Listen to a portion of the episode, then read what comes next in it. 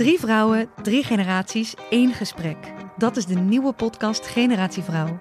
Samen met babyboomer Nora Beijer Wij vonden dat heel gewoon. en Roos Slikker uit Generatie X Jouw generatie doet dat. onderzoek ik, millennial Eva Breda, wat we van andere generaties kunnen leren.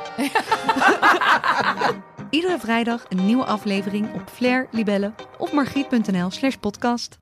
Wat leuk om weer eens een podcast op te nemen met jou, Jasper. Wat, wat klink ik vreemd? Wat is er aan de hand? Je klinkt inderdaad heel raar. Oh, hey, ik, ik, ik klink ook een beetje raar. Ja, eh, wat er aan de hand is, we nemen hem een beetje anders op dan anders. Door omstandigheden konden we niet eh, fysiek bij elkaar zijn. Dus we proberen het eens van afstand. Dus sorry voor deze net wat mindere audio-kwaliteit dan jullie van ons gewend zijn. Maar hey, jullie zijn vast benieuwd wat wij van Elvis vinden.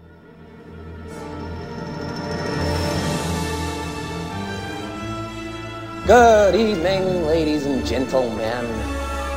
We are tonight's entertainment.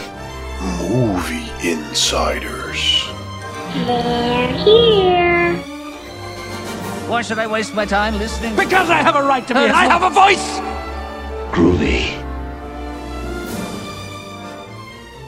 Hallo allemaal en welkom bij deze iets wat meer uit de losse pols aflevering van Movie Insiders. Dat is de Nederlandse filmpodcast die je kan vinden op alle welbekende platforms en op onze homepage movieinsiders.nl. Mijn naam is Guido. En mijn naam is Jasper. Wat gaan we doen vandaag, Guido? Nou, volgens mij moeten wij het eens gaan hebben over biopics. Is daar een mooi Nederlands woord voor? John en ik hebben daar ooit eens mee gestoeid. We deden biografische vertolkingen. Ja, Dus, dat ja. is eigenlijk wat het betekent. Ja. Eh pic is natuurlijk, gaat natuurlijk over picture en bio gaat over biografie. Dus het Ja. is een samenvoeging van die woorden.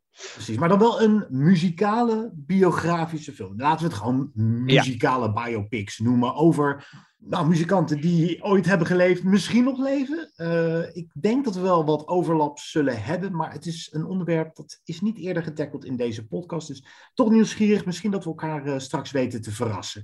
Ja, en die top 5 beste muzikale biopics, die past natuurlijk heel goed bij de film Elvis. Ik wist van jou, Jasper, dat jij totaal, maar dan ook echt totaal geen interesse had om dat ding te gaan bekijken.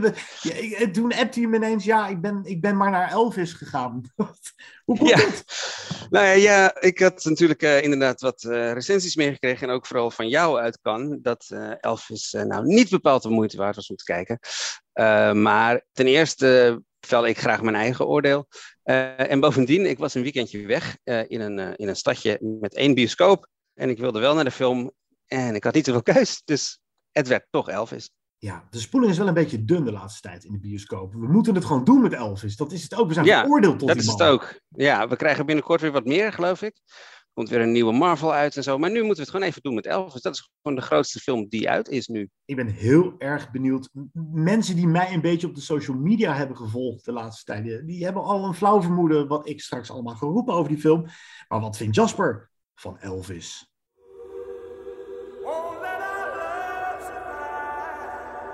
There are some who'd make me out to be the villain of this here story. Let's don't let a good thing die.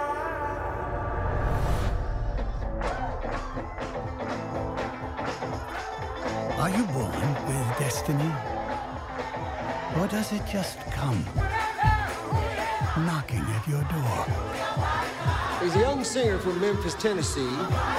Give him a warm hayride welcome.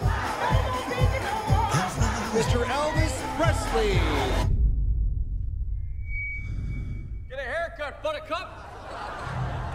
That moment, I watched that skinny boy transform into a superhero.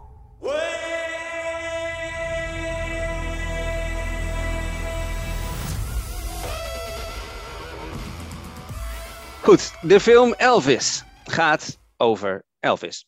Maar ook niet helemaal. Regisseur Bas Luhrmann, bekend van onder andere Moulin Rouge en Romeo en Juliet, kiest ervoor om gebruik te maken van een soort raamvertelling.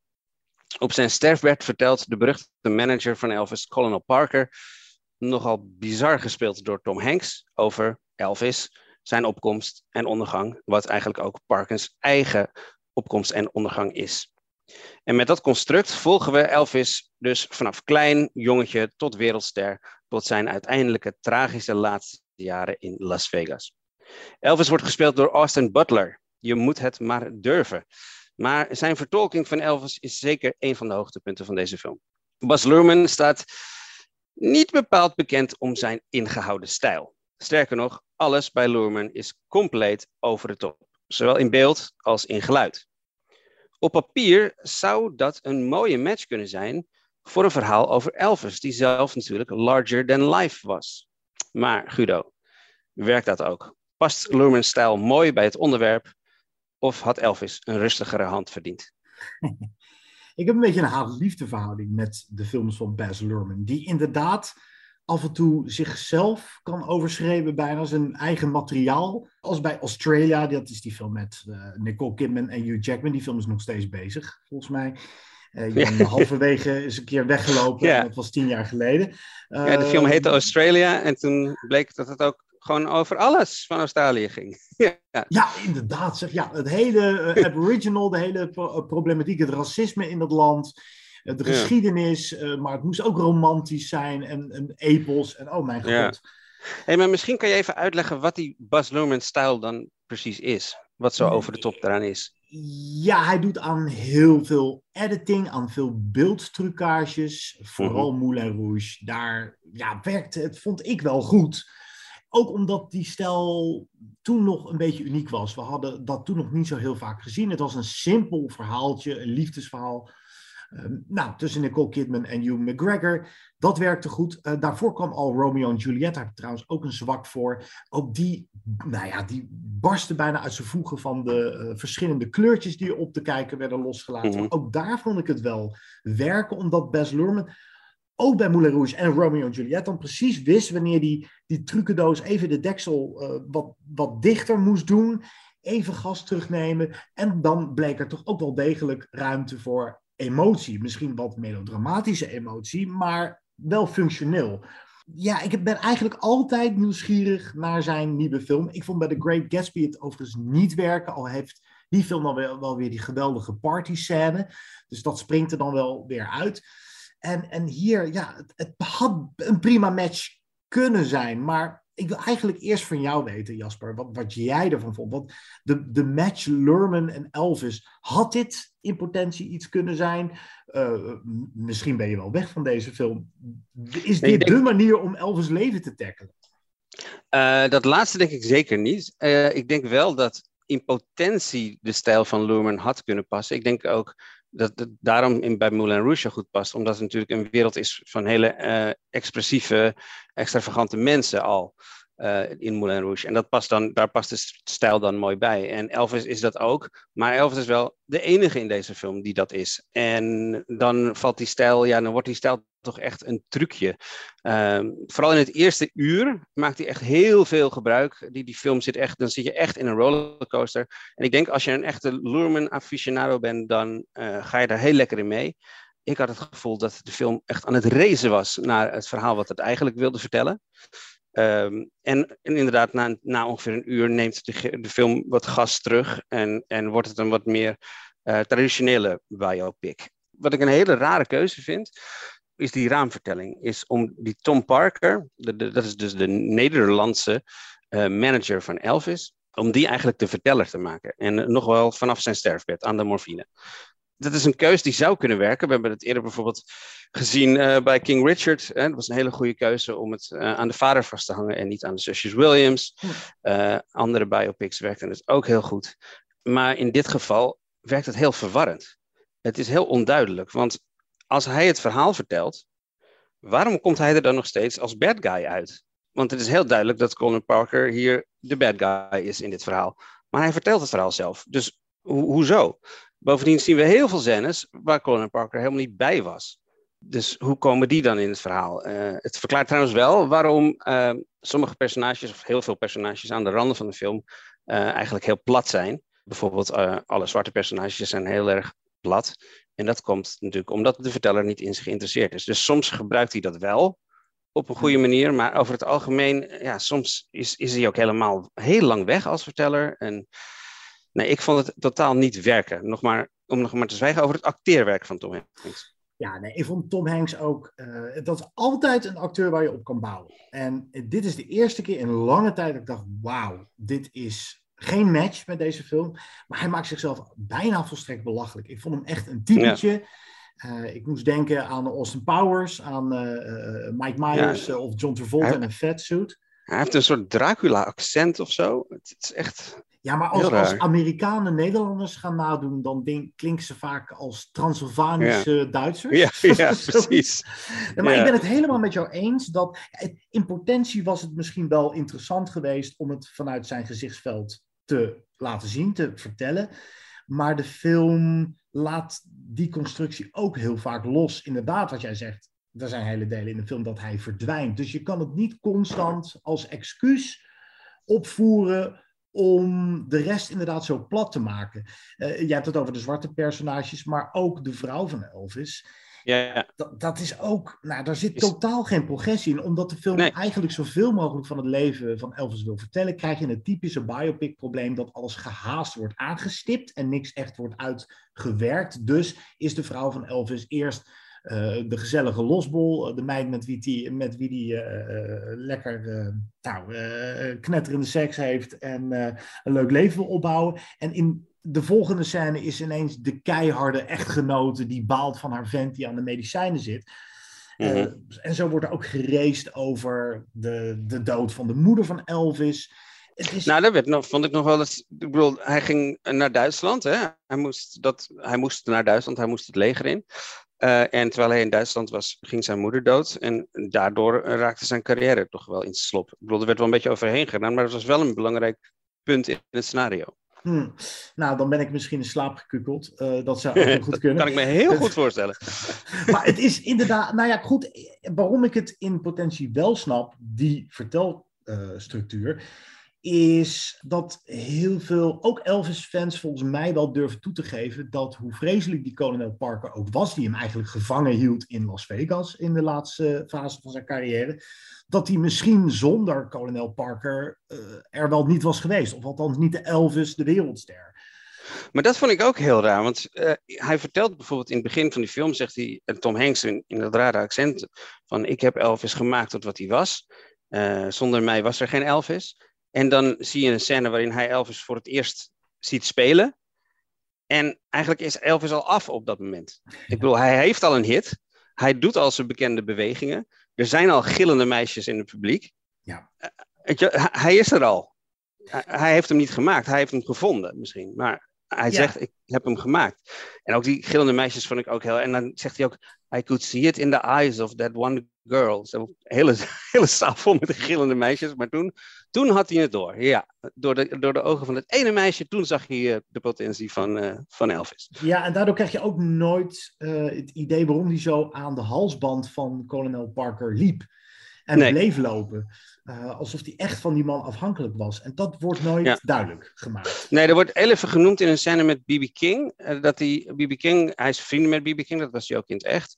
Uh, en hij is dan samen met hem in een club waar Little Richard optreedt. En daarna hebben ze nog een gesprekje. En hij vraagt hem ook waarom doe je niet zelf je zaken? En, maar Elvis die, die wil zijn zaken niet zelf doen. B.B. King die zorgt voor zijn eigen management. Die doet zijn eigen business.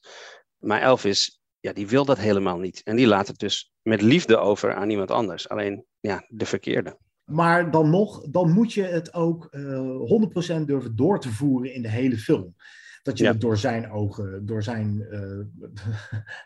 uh, merkwaardig uh, door make-up verwrongen ogen ziet. Ja, ja. Maar dat is niet het geval, waardoor het zo'n biopic wordt dat van alles en nog wat wil aanstippen, wil doen. Mm-hmm. Maar het komt nooit helemaal echt tot leven. En het is jammer, want volgens mij hoeft het niet zo moeilijk te zijn om van hem een mooi tragisch figuur te maken. Hij was een uh, heel tragisch figuur. Waarom Zeker, voelde ja. ik dan nooit één seconde op zijn minst een vochtig ooghoekje aan het eind van de film? Ik vond hem geen mens van vlees en bloed, dat is Tom Hanks niet. En hoe goed Austin Butler ook is in de rol van Elvis Presley, ook hij wordt geen mooi emotioneel wezen door die achterlijke hyperstijl van Baz Luhrmann's regie. Ja, het komt inderdaad. Uh, ik denk dat Austin Butler had er prima een mens van leven en bloed kunnen maken, maar de film is daar helemaal niet in geïnteresseerd. Nee, en überhaupt niet in zijn... Ik, voelde geen oprechte interesse van Baz Luhrmann in zijn leidend voorbeeld. Zonde, want hij vindt het gewoon een. Hij gebruikt eigenlijk Elvis als excuus om weer zijn, ja, zijn grote discobal over, uh, mm over uren te laten draaien. En dat ging me op een gegeven moment zo verschrikkelijk tegenstaan. En wat ook al niet helpt, is dat er van die ontzettende clichés in zitten als de rollende krantenkoppen in beeld, uh, om mm het verstrijken van de tijd aan te geven. En er is nog iets raars aan de hand. Waarom hebben ze hier van Elvis een soort van verkapte burgerrechtenactivist ja. gemaakt. Dat is heel, erg raar. Heel vent. Waarom ja, zouden dat ze dat doen? een hele rare keuze.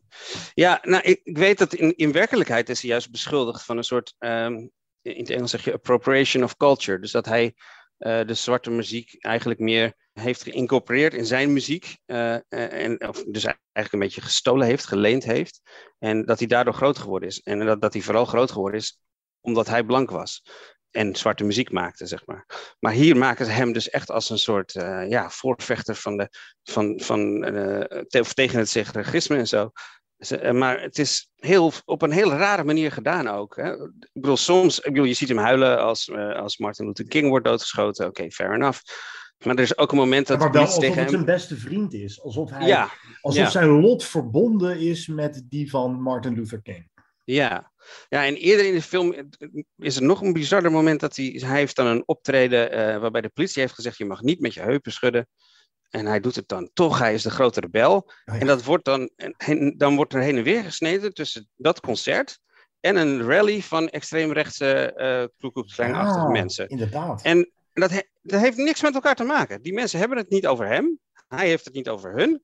Het wordt een, gewoon door elkaar gesneden. En daardoor moeten wij maar de suggestie krijgen dat Elvis een, een voorvechter voor, uh, tegen racisme was. Maar dat is, ja, er zit geen enkele inhoudelijke link tussen die twee scènes. Wil Baz Luhrmann geen ruzie hebben met de echte Elvis-fans? En uh, in ieder geval een beetje het, de, de middenweg opzoeken als het gaat om Elvis die de zwarte muziek adopteerde en naar zijn hand mm-hmm. zette.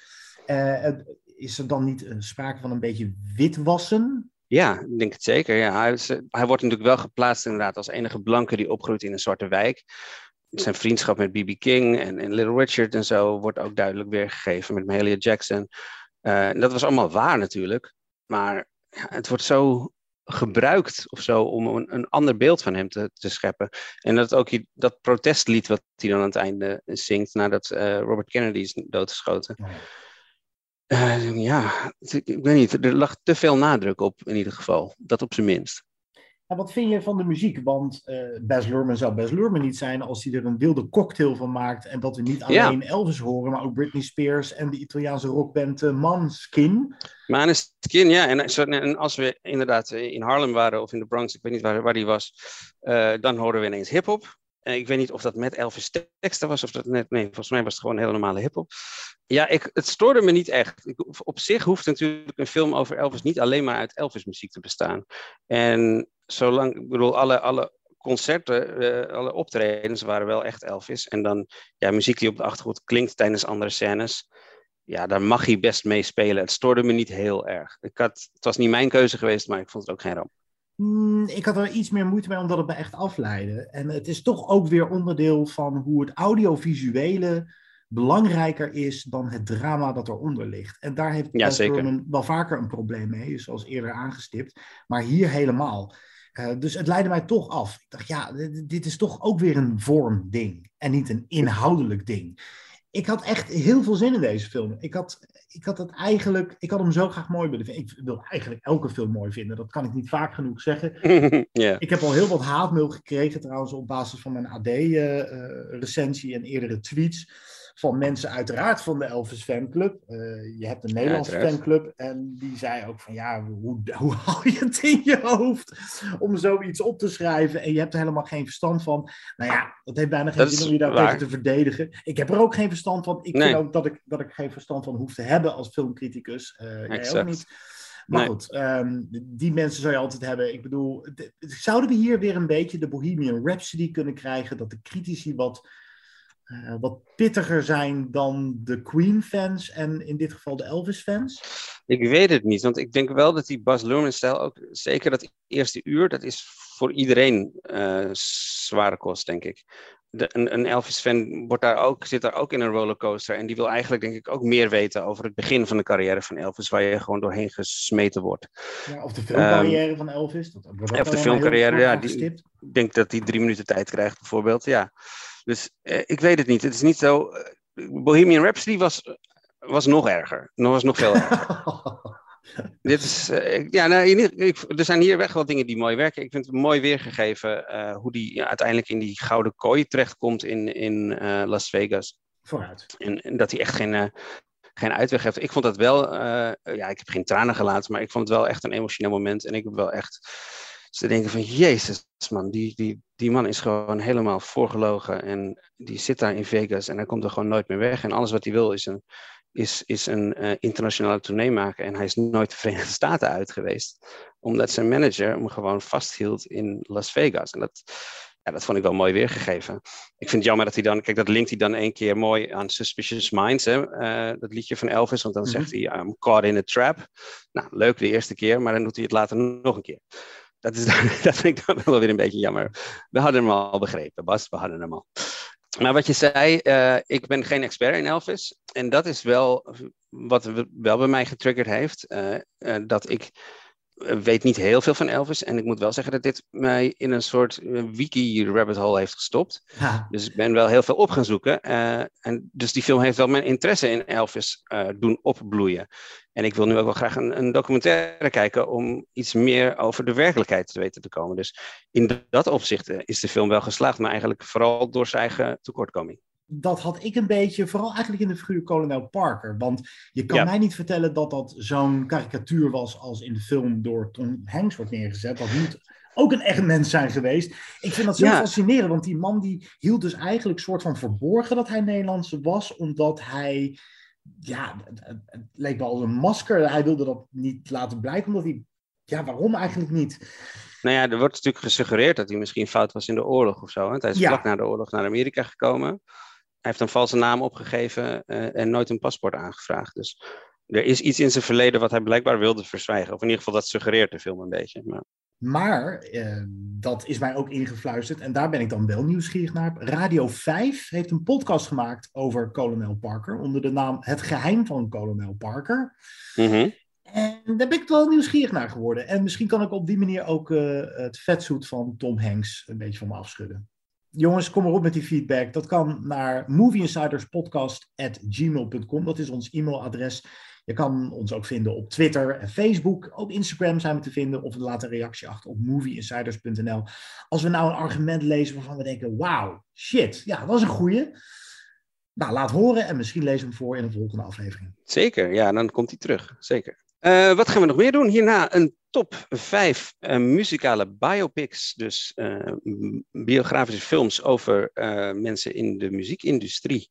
Maar eerst gaan we luisteren naar nou, laten we een flartje laten horen van hoe Austin Butler klinkt als Elvis. Want daar kunnen we het allebei uh, ja. zeker ja. over eens worden. Hij is de moeite waard. Hij heeft de, de looks en de moves. En en de voice, ja. Well,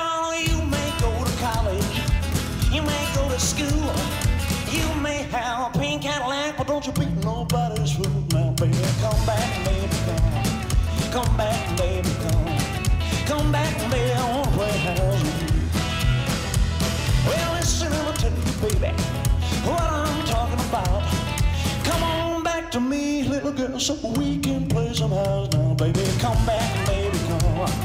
Come back, baby, come. Come back, baby, I wanna play house you. Always play house, kid.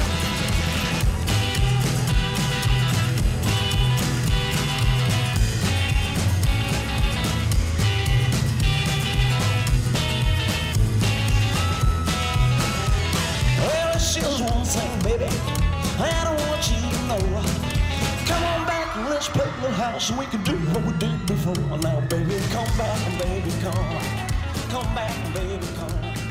Come back and baby, I wanna play. Tijd voor de top 5 muzikale biopics. Dat zijn er een hele hoop, maar zitten daar een hele hoop goede tussen. Jasper, was dit een uh, moeilijke lijst om samen te stellen? Nou, ik denk dat het makkelijker was om een uh, top 5 slechtste biopics te maken.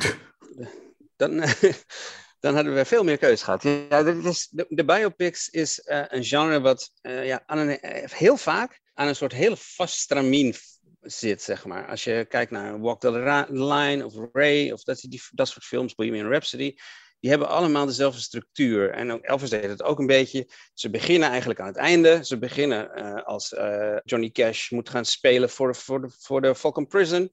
En dan snijden ze terug naar het begin dan krijg je het hele verhaal tot het moment. En bij Bohemian Rhapsody is het voordat ze in Wembley opgaan, dat is de eerste scène. En dan gaan ze terug en dan krijg je alles. Ehm, er is ooit een ehm, hele mooie parodie gemaakt op, de- op dit genre. Eh, die heet Dewey Cox. Walk, eh, Walk Hard heet die. Dewey Cox, de, Ah, ja. de, de Dewey Cox story. Met ehm, John C. ehm, Reilly? Yes, met John C. Reilly in de hoofdrol. En die, nou, als je die kijkt, dan kan je eigenlijk nooit meer een van die slechte biopics kijken. Want het is raak in alle aspecten. Het is echt eh, een hele goede honorable mention vooraf. Maar ja, het is fictie, dus we mogen hem niet in onze lijst zetten. Ehm, ik ga het bruggetje maken met. Jij noemde namelijk die titel al even. En ik ben een apologist voor deze film. Eh, ja, alle clichés komen zo'n beetje voorbij. maar ik vind Walk the Line echt zo'n heerlijke film. ja, Oké. ik heb echt een zwak voor Walk the Line met Joaquin Phoenix als Johnny Cash en met Reese Witherspoon als June Carter. En die casting is eh, eigenlijk perfect. Eh, de Reese Witherspoon kreeg hier een Oscar voor. Of dat nou helemaal terecht was, dat weet ik niet. Maar ze, ze is wel goed. Ze knettert wel echt van het scherm. Eh, de chemie die zij heeft met Joaquin Phoenix is hartstikke goed. En ook al, het is een mooi voorbeeld van hoe je alle clichés kan behandelen, maar dat er toch genoeg liefde in de film zit. Hier voel je wel de liefde van de scenarist, die weet ik even niet, maar de regisseurs in dit geval, James Mangold. Maar ik ja, Walk the Line, het, sfeertje, eh, de setting, de muziek, hoe eh Joaquin Phoenix en Reese Witherspoon eh, de personen die zij moeten vertegenwoordigen echt hun eigen maken. Ik ben door die film ook meer naar Johnny Cash gaan luisteren. Eh, in plaats van alleen naar Wikipedia gaan, want dat was de, aanbe- de beste aanbeveling die je Elvis kon geven. Ja, ja, Eh, ja. Maar eh, eh, het valt me vooral af. Eh, eh, jij vond het helemaal niks? Nou ja, ik vind dus dat die film inderdaad veel te veel vasthoudt aan, die, aan dat stramien. Ja, er wordt wel goed in gespeeld en de muziek is natuurlijk heel goed. En het is ook iemand, en dat is waar een film interessant wordt, iemand waar je inderdaad minder over weet. Eh, of ik, ik in ieder geval niet zoveel over weet. En eh, dat aspect is dan interessanter aan. Maar ik, het is voor mij eh, vooral, het is, ik vind het niet zo'n slechte film, maar ik vind het zo zonde. Het had zo'n veel betere film kunnen zijn als ze wat losser met, met dat hè, met die vaste, vaste geraamte van een, een biopic om waren gegaan. Zeg maar. dit, dit kleurt echt alle, alle vakjes in, zeg maar. Oké, fair enough, fair enough. Wat is jouw nummer vijf? Mijn nummer vijf is eh, een film uit 1986 van Alex Cox. Eh, een van de beste films over punk. Sid en Nancy. Oh ja, ja. Die eh, moet ik weer eens zien. Die heb ik ooit wel eens gezien. Ik heb hem niet in mijn lijst. Niet in je lijst. Oké, Nee. nou dat is mooi. De film houdt zich helemaal niet in. en hij, het laat ook. Want het gaat dus echt over punk. Het gaat over Sid Vicious. gespeeld door. Is ook geweldig om te zien. Een jonge Gary Oldman als Sid Vicious. Eh, zijn tegenspeelster Nancy Sprugen speelt dan een Nancy. Ze spelen alle twee de sterren van de hemel in dit verhaal. En dat verhaal speelt zich eigenlijk af nadat de Sex Pistols uit elkaar zijn gegaan. Eh, en zij verdoen hun tijd in een hotelkamer. En die film die gaat dus niet, die, die schrikt niet weg om juist de, de leegte te laten zien achter de punk. En de verveling en de desillusie. eh, en de pijn die achter die hele korte punkgolf eh schuil ging.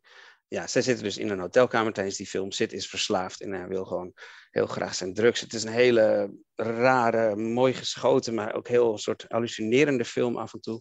Ja, Sid wil, wil zijn drugs, maar die is drugs.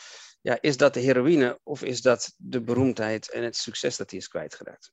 Hmm, ik heb zin om hem weer eens aan te zetten. Ja, moet je zeker eens doen. Ja. Zeker eens doen.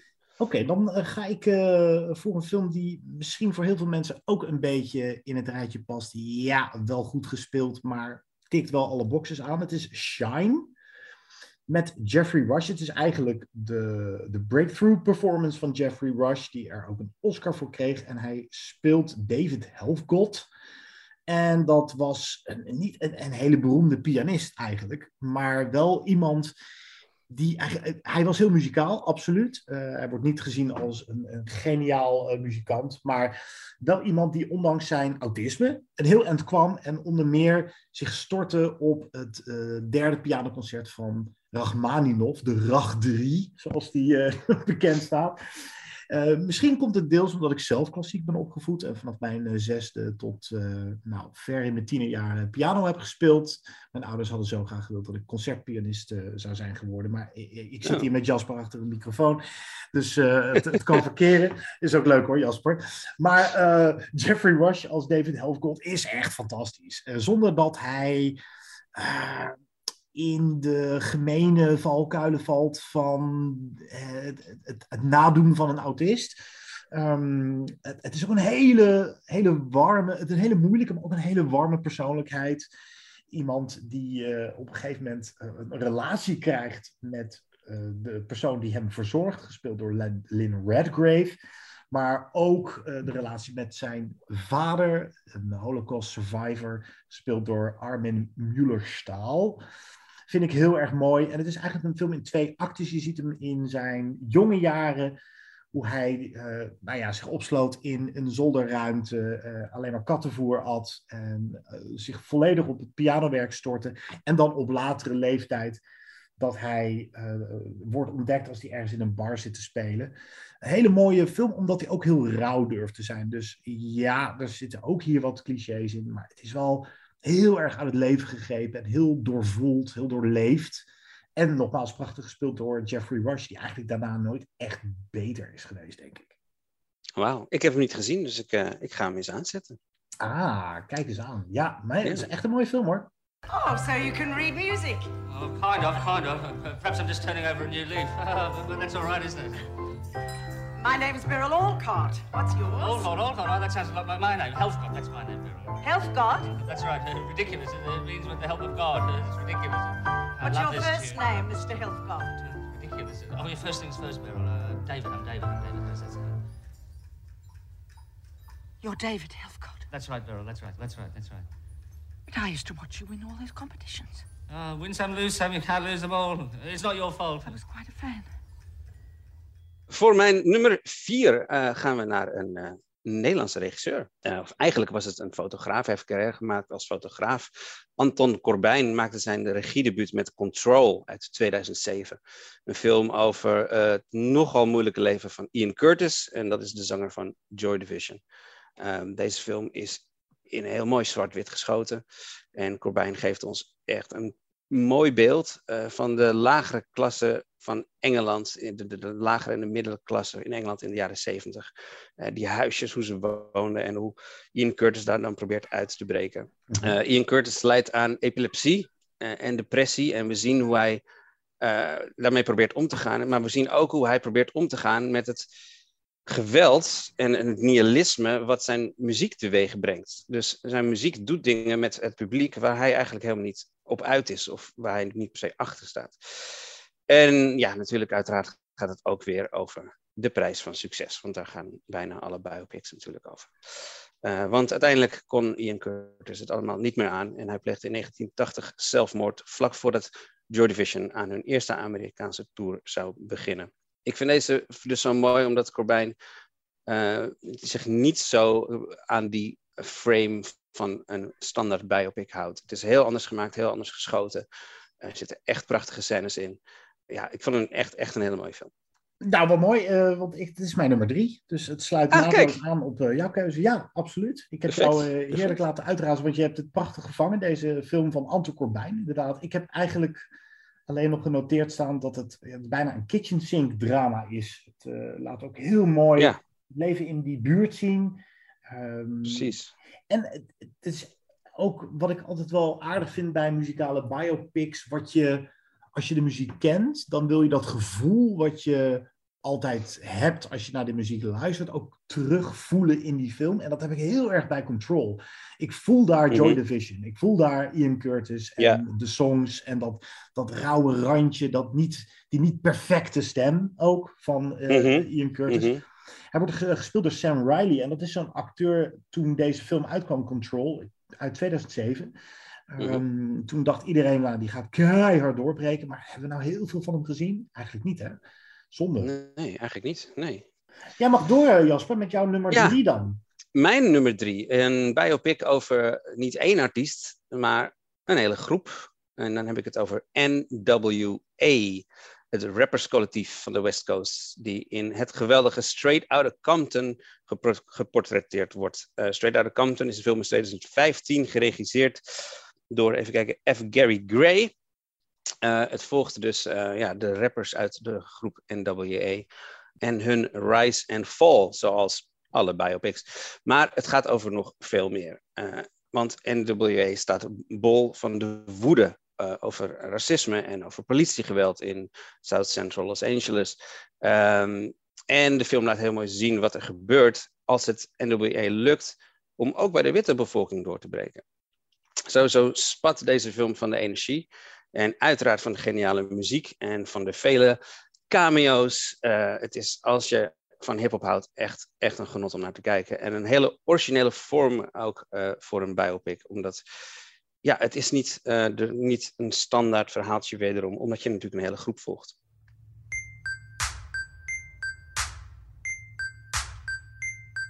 Cruising down the street in my six four. That ain't it. It really ain't. Hey, hey, Dre, you gotta go if we gonna do this. Cube, you gotta go. Fuck out here, yo. Nah, nigga, both of y'all. You talking to me? Bye. Go, Q. And Yola, get the fuck Me out too. of here, man. Yeah, so we can get this shit Write done. the song, Cube. Shut the fuck up, Cube. Take these with you, Cube. Yola. Yes, man. Come on. You know what? Whatever. Whatever. Nou, dat is een film die nog op mijn eh, lijstje moet. Want ik heb hem nooit Oh. gezien. Oh, die moet er wel op, ja. Ja, ik heb er veel over gehoord. En eh, na jouw lovende woorden word ik extra nieuwsgierig. Dus eh, die, eh, die schuift omhoog. Ehm, mijn nummer twee dan. Oh, Ja, had het al over een originele vorm. Maar het kan nooit origineler worden dan I'm Not There. Een film over Bob Dylan. En Todd Haynes is een groot fan van Bob Dylan, een groot bewonderaar. En wat hij heeft gedacht is eigenlijk eh, perfect. Hij dacht gewoon niet aan beginnen. Om één acteur te zoeken die Bob Dylan perfect neerzet en dan zijn hele leven te vangen. Hij heeft voor iets heel anders gekozen. Hij laat in verschillende verhaallijnen Bob Dylan in verschillende incarnaties en dus ook verschillende acteurs eh, zien. En daarmee vangt hij steeds ja, snippers van in ieder geval zijn persoonlijkheid en zijn leven. En Ja. tezamen moet je eigenlijk daar het Bob Dylan gevoel meer bij krijgen. Het, het is een perfecte film die aantoont van je hoeft niet. eh, het is geen soundmix show, weet je wel. Het is, het is ook geen imitatiewedstrijd. Als je de geest van de persoon maar vangt. En dat doet hij heel, heel knap.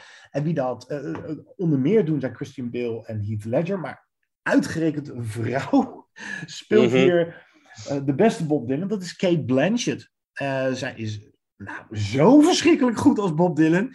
Het is jammer dat ze hier geen Oscar voor kreeg. Dat is wel grappig. Eigenlijk is deze film anti-imitatie. En ik ben eigenlijk ook een beetje anti-imitatie. Maar Kate Blanchett geeft wel een geweldige Bob Dylan-imitatie. dus dat moet er dan ook bij gezegd worden. Het is verder in zwart-wit. En het is een hele experimentele film. En in het begin denk je van, wat gaan we nou krijgen? Maar aan het einde kan je niet anders concluderen dan dat je een, een echt goede film hebt gezien over, over Bob Dylan. En die ook daadwerkelijk eh, de persona en de muziek van Bob Dylan eh, helemaal weet te vangen. Ja, ik vind het ook heel knap. Het is inderdaad dat dilemma van hoe vang je eh, Bob Dylan? Want Bob Dylan, Bob Dylan is iemand die zichzelf voortdurend opnieuw uitvindt en heel veel verschillende gezichten heeft. En hij kiest er dus inderdaad voor om gewoon letterlijk zes verschillende gezichten te geven. Eh, ja, heel erg mooi gemaakt. En al die, al die gezichten, al die acteurs zijn dus niet per se hem die jong, één iemand die hem als jong en dan iemand iets ouder of zo. Nee, ze zijn gewoon een ander aspect van Bob, Bob Dylan eigenlijk. Een ander deel van, van ja, het fenomeen Bob Dylan. Maar heb je hem ook in je lijst staan? Eh, ik had hem in mijn lijst staan. Ah. Ik, eh, hij is mijn, mijn, eh, ik, had, ik had eigenlijk een lijst van zes. Dus nu jij deze genoemd hebt, heb ik een lijst van vijf. Oké, dat nou, komt heel mooi uit. Prima. Dan, komt heel mooi uit. komt heel mooi uit, ook omdat we dan iets meer verschillende soorten films kunnen laten horen. Precies. Maar wat zet je dan wel op nummer, waar zijn we aanbeland, nummer twee? Bij jou? Twee, nummer twee, ja, ik ben heel erg bang dat ik hier jouw nummer één wegkaap. Ja, dat gaat gebeuren, ik weet het zeker, kom maar door. Ja, een klassieker, 1984, Miles Forman. Ja, ja, zeker. Amadeus. Ja, net als in Elvis, we volgen in Amadeus eigenlijk niet het wonderkind Mozart. Maar we volgen zijn grote concurrent, Antonio Salieri, gespeeld door F. Murray Abraham. En hoe? Uh, en vooral die keuze, die dus bij, uh, bij Elvis totaal niet werkte, die keuze werkt in deze film ontzettend goed. Uh, de keuze om de film aan Salieri te hangen en niet aan het genie Mozart. Ook omdat het genie Mozart natuurlijk heel moeilijk bereikbaar is. Hoe kan je, ja, je kan niet in hem komen omdat hij uh, ja, zo, zo onvatbaar is. De film is gebaseerd op een stuk van Peter Schaffer. Die won daar een Tony voor. Uh, de film zelf won overigens acht Oscars, waaronder beste film. Het is echt een heerlijk kostuumdrama over de rivaliteit van deze twee 18e-eeuwse componisten. het gaat over mannelijke drang naar competitiviteit en, en over het mysterie van het genie. Ja, exact. Dat, ja, het gaat over genialiteit. Ja, het, het, gaat over genialiteit. Ja, het is inderdaad bij nummer één allereerst. Ik moet uh, allereerst ook gezegd hebben dat F. Murray Abraham nog steeds, in, volgens mijn boekje, een van de beste acteerprestaties uit de filmgeschiedenis hier weggeeft. Die zou ik ja. zeker in mijn top 50 stoppen. Uh, beste acteerprestaties ooit. Wat ook zo. zo het, hij had ook een, een, een lachwekkend karikatuurtje kunnen worden in deze film. Maar Salieri is iemand die zowel duivels is, als met wie je ook echt wel te doen hebt. Hij kan gewoon mm -hmm. niet eens in de schaduw staan van Wolfgang Amadeus Mozart. En die afgunst is uh, zo voelbaar, het is zo pijnlijk. En wat het extra pijnlijk maakt, is dat Salieri is een hele keurige, deftige man. En toen hij eindelijk de grote Mozart zag, waar zoveel uh, over werd gefluisterd in Salzburg, en hij ziet hem eindelijk, dan blijkt het zo'n ontzettend schooiertje te zijn. Zo'n, zo'n, zo'n, zo'n, zo'n, bijna een eikeltje, een beetje een omhooggevallen uh, manneke. Wolfie wordt hij ook genoemd door Constance, zijn vrouw. Dit is overigens zo'n film waarin ik echt geen seconde moeite heb met het feit dat ze allemaal Engels praten. Uh, dat, dat, vind ik ook heel knap. Het is zo goed gedaan. Dit is ook zo'n film waarin je eigenlijk uh, het, is, het is fictie. Uh, het is niet echt gebeurd. Uh, de rivaliteit stelde geen reet voor. Het is echt fictie. Maar je zou zo graag willen geloven dat dit het verhaal is wat een mooier, een mooier drama rondom de persoon Mozart kan je bijna niet bedenken. En het is zo goed uitgevoerd dat Salieri ook aan zijn sterfbed uh, van Mozart uh, zit en hem helpt zijn eigen requiem te schrijven. Ja, ik heb deze film zeker twintig keer gezien. Ik moet hem elke, elke zoveel jaar moet ik hem weer eens aanzetten. En dan uh, krijg ik weer kippenvel. En echt niet alleen vanwege de muziek. Um, ja, dit is echt mijn onbetwiste nummer 1 zelfs. Astounding. It was actually, it was beyond belief. These were first and only drafts of music. But they showed no corrections of any kind. Not one. He had simply written down music already finished in his head. Page after page of it, as if he were just taking dictation.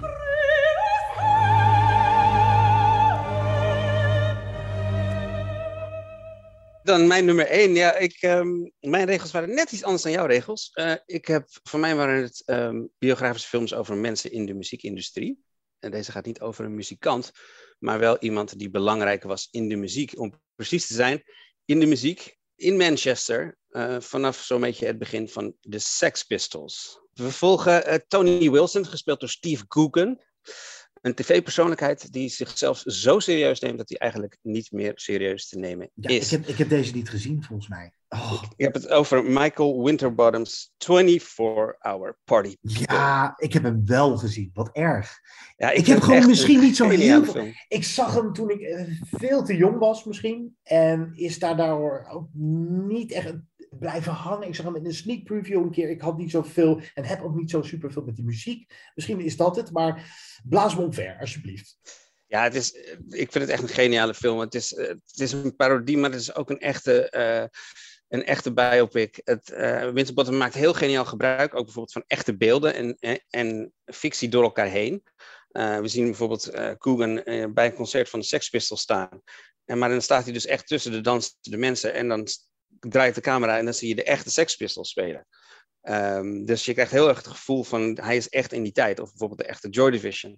En die persoon, die Tony Wilson, uh, was dus een tv-persoonlijkheid, maar hij wordt eigenlijk een soort baas van een platenlever, want hij ziet uh, de waarde van uh, deze muziek in en, en hij probeert er iets van te maken. En uiteindelijk, het wordt wat, maar het was natuurlijk een hele korte golf en uiteindelijk gaat alles weer kapot. Maar ja, dat hoort in een biopic. hij werkt heel goed, voor mij die film, omdat het echte nostalgie opwekt, zeg maar. Uh, en en niet, niet een soort gemaakte nostalgie, zoals we best wel vaak gezien hebben de laatste tijd. Het gaat echt over een tijd uh, waarin, ja, hoe zeg je dat, de, de gekken het baas zijn van het gekkenhuis, zeg maar. En waarin muziek alles was voor mensen in die tijd in Manchester. het is een film die echt van zijn personages houdt en begrijpt ook heel goed waar het over gaat, wat de Sex Pistols precies mee begonnen zijn uh, en hoe dat doorging met Joy Division en hoe de jaren negentig dat uiteindelijk helemaal vermoord hebben. Het neemt zichzelf ook niet serieus. Zelfs op, op een gegeven moment is er een, een scène waarin uh, Steve Coogan in de camera kijkt en uh, zegt van, ja, hier staat eigenlijk een andere scène, maar die is weg, maar die zal wel op de DVD komen of zo. Dus hij neemt zichzelf ook echt niet zo serieus. Ja, het, het gaat gewoon over een hele periode in de, de, de, de muziek in Manchester. Het is echt een prachtige film. De, de, mix van echt en, en nep. En de liefde, vooral de liefde voor de muziek, springt hier zo erg uit. Ja, jeetje, Jasper, die ronkende woorden van jou, ik kan daar uh, helemaal enthousiast van worden. ik heb, deze film moet ik dus echt een tweede kans geven. Ja, dat heb je wel eens met een film. Uh, dat ja, je op het verkeerde nee. moment ziet, of je hebt er de leeftijd niet voor, of je hebt er uh, de klik niet mee qua muziek. Ja, um, ja, is, ja kijk deze zeker nog een keer, want het is, echt, uh, het is echt een geniale film. How do you answer the charge that you're a fascist? What? Your band Joy Division, named after a group of women captured by the SS for the purpose of breeding perfect Aryans. Isn't that sick? Have you never heard of situationism or postmodernism? We need to talk to here. Do you know nothing about the free play of signs and signifiers? Yes, we've got a band called Joy Division. Also got a band called Jeruti Column. I'm sure I don't need to point out the irony yeah. there. What yeah. the fuck's going on? We need a doctor, I don't know. What's wrong He's with a fit or something. Uh. Oi, fuck off. fuck off, I'll lay one on you. Be well, I've seen him do it. Nou, ik heb dan als eervolle vermelding, uh, die vond ik een beetje buiten de boot vallen, omdat hij gewoon niet zo'n hele bekende pianist is. Maar ik heb het wel over de pianist van Roman Polanski. Ja, heb ik ook aan gedacht. Ja, ja oké, okay, ja, dat is een muzikale biopic. Ik vind dat echt ja. een uh, geweldige film. Ook een beetje autobiografisch. Adrian Brody. Adrian Brody, die er een, een Oscar voor won. Ja, het is een geweldige film. Maar het, het is uh, nou niet van, oh ja, die, die Spielman. Want zo heette die, geloof ik, de in kwestie. Maar geweldige film. Um, had jij nog eervolle vermeldingen? Um, nou, eigenlijk niet, want ik heb, we hebben dit, uh, deze uitzending zo'n beetje gisteravond bedacht. Dus ik heb gewoon vijf films. dat was het. Ja. Uh, ik heb ze gewoon even uit mijn hoofd uh, een, een top vijfje gemaakt. Nou, twee gelijke dus, met Amadeus en Control. Ja. Dus volgens mij hebben we aardig wat van het palet, uit, de, het palet van muzikale biopics kunnen laten horen. Ik denk het ook. En ik denk ook, ja. ik denk ook dat we niet zoveel, um, niet zoveel honorable mentions hebben, omdat dit gewoon de goede biopics zijn.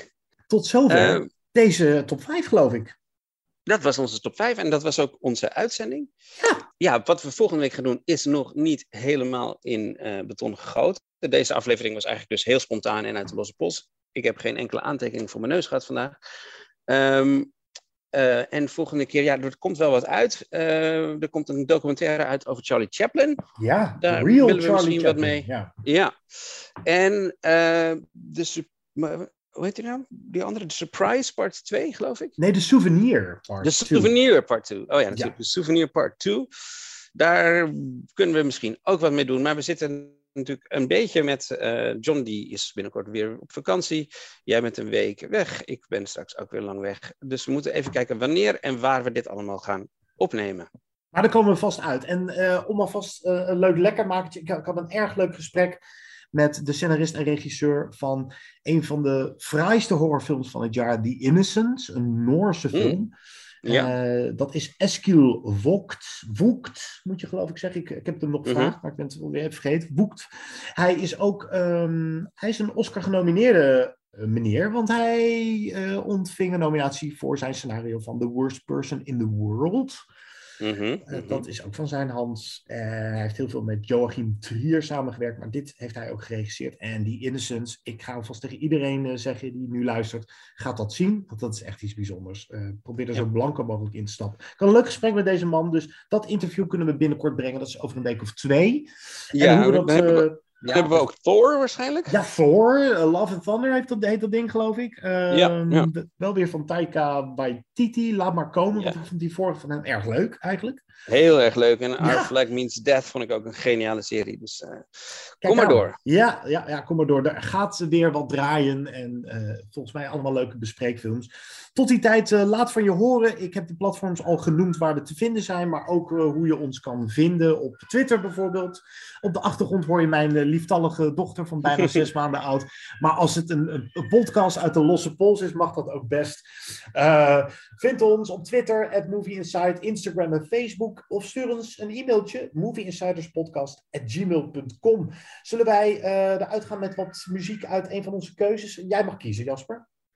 Eén, oeh, dat is wel een goede uit. Een van onze keuzes. Eh, nou, dan heb ik eigenlijk wel, wel zin in wat Joy Division. Nou, zullen we dat gewoon doen? Eh, het nummer Love Will Control. Tear Us Apart. Love Will Tear Us Apart, die is mooi. Tot volgende week. Tot de volgende keer.